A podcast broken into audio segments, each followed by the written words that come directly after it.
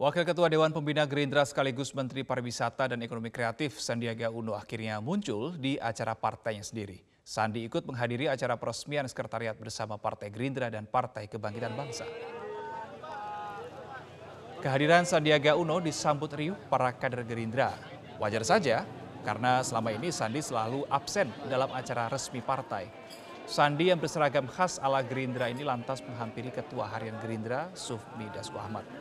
Belum lama ini, Sandiaga Uno sempat diisukan renggang dengan Gerindra lantaran selalu hadir di acara resmi Partai Persatuan Pembangunan atau P3. Bahkan, elit Gerindra meminta Sandi untuk pamit secara baik dengan Ketua Umum Partai Prabowo Subianto bila ingin pindah partai. Tetap terbuka jika dicalonkan oleh P3, Pak? Uh, jadi jangan jangan membawa pertanyaan ke sana karena itu yang nanti bisa disalahartikan, disalahpahamkan dan kemarin pembicaraan panjang itu salah satunya karena uh, pertanyaan yang tadi disampaikan tapi itu benar-benar prerogatifnya pimpinan partai politik. Saya tidak berwenang untuk menjawab itu. Ketua Umum Partai Gerindra Prabowo Subianto dan Ketua Umum PKB Mohaimin Iskandar meyakini bahwa sekretariat bersama yang mereka resmikan Senin kemarin akan disusul dengan bergabungnya partai lain. Prabowo menyebut koalisi terbuka untuk menambah partai lain. Peresmian Sekber Gerindra dan PKB ini disimbolkan dengan gunting pita yang dilakukan oleh masing-masing ketua umum partai politik. Ketua Umum Gerindra Prabowo Subianto menyebut peresmian Sekber ini untuk menyongsong pemilu 2024. Prabowo juga menyebut peresmian Sekber sebagai tanda bahwa koalisi Gerindra PKB solid.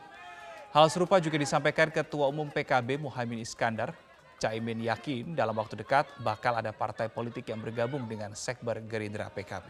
Jadi ini awalan saya kira yang uh, jelas ada partai kebangsaan yang agamis, partai agamis yang kebangsaan.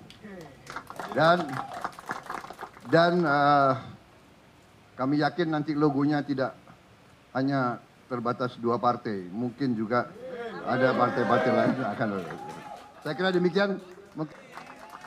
PKB dan Gerindra saling percaya adalah kekuatan yang bisa diamanati untuk menata Indonesia menjadi lebih baik, melanjutkan kesuksesan yang ada dan melompat lebih maju lagi di masa yang akan datang. PKB dan Gerindra adalah kekuatan yang saling melengkapi dan akan sangat lengkap lagi akan disusul oleh partai-partai yang bergabung untuk Indonesia adil, makmur, dan sejahtera. Pemirsa Gubernur Jawa Tengah Ganjar Pranowo marah besar ketika mengetahui sejumlah fasilitas umum di dalam kompleks Stadion Jatidiri rusak sebelum pembangunan proyek tuntas dikerjakan.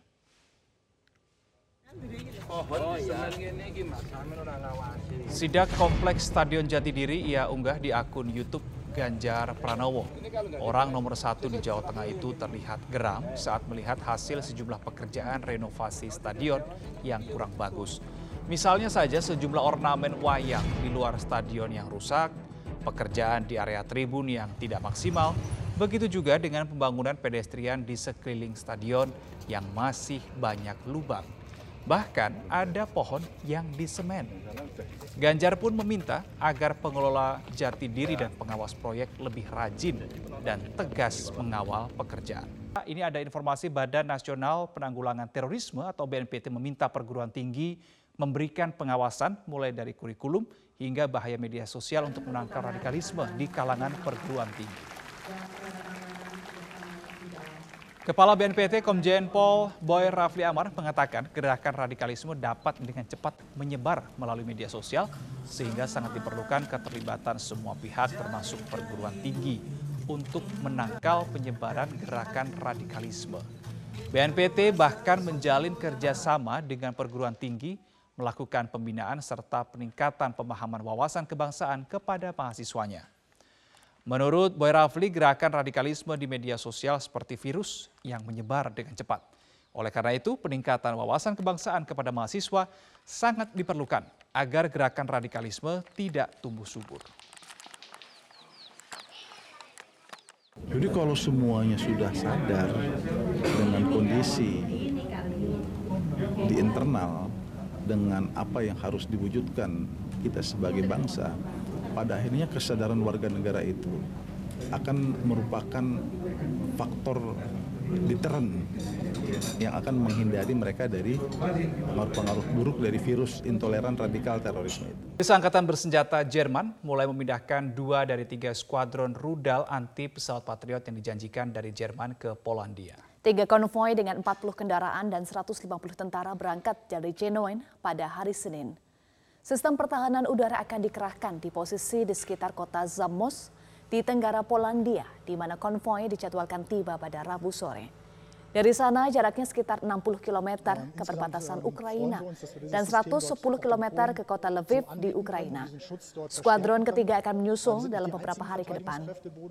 Tentara Bundeswehr telah berada di Polandia sejak 16 Januari, bekerja dengan unit Polandia untuk memastikan komponen sistem senjata diterima. Ya, hampir sebulan terendam banjir, warga desa Minto Basuki, Kecamatan Gabus, Pati, Jawa Tengah belum bisa beraktivitas dengan normal. Selain itu, warga juga resah karena menipisnya logistik dan hanya mengandalkan bantuan dari para relawan. Beginilah pemirsa kondisi banjir yang masih menggenangi desa Minto Basuki, Kecamatan Gabus, Pati, Jawa Tengah. Ketinggian banjir bahkan bertambah 15 cm akibat guyuran hujan deras kemarin. Hampir sebulan aktivitas warga lumpuh dan pendapatan mereka pun tidak ada.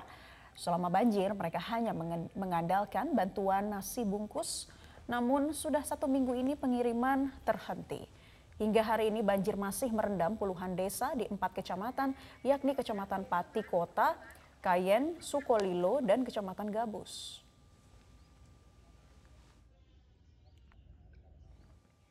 Nah, mulai hari ini pemirsa masyarakat bisa mendapatkan suntikan vaksin booster tahap kedua COVID-19. Ya, vaksinasi ini diperuntukkan untuk masyarakat umum usia 18 tahun ke atas. Adapun vaksin yang dapat digunakan untuk booster kedua adalah vaksin COVID-19 yang telah mendapat persetujuan penggunaan dalam kondisi darurat dari Badan POM dan memperhatikan stok vaksin yang ada.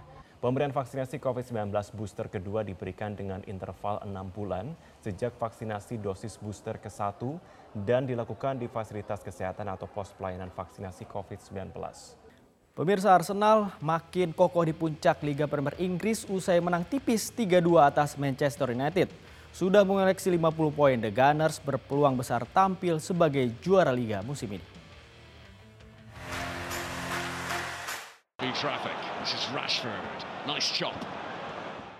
Menjamu Manchester United di Emirates Stadium minggu malam, Arsenal sukses menorehkan kemenangan melalui pertarungan sengit. Tim berjuluk The Gunners itu bahkan kebobolan lebih dulu lewat gol yang dicetak Marcus Rashford pada menit ke-17.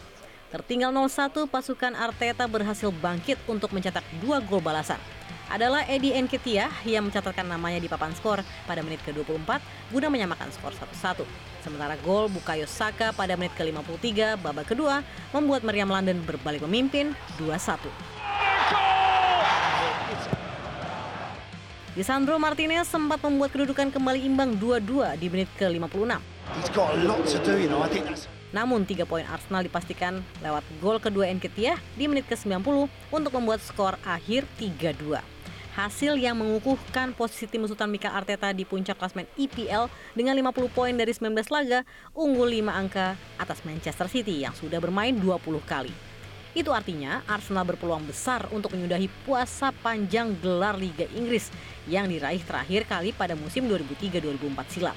Menurut Opta, Arsenal adalah tim keenam yang bisa meraih minimal 50 poin atau lebih di paruh pertama musim. Dari lima tim sebelumnya, hanya Liverpool dengan koleksi 51 poin di musim 2018-2019 yang gagal menjadi juara setelah finish di posisi runner-up. Bisakah Arsenal bertahta di akhir Liga Primer Inggris musim 2022-2023? Kita tunggu saja.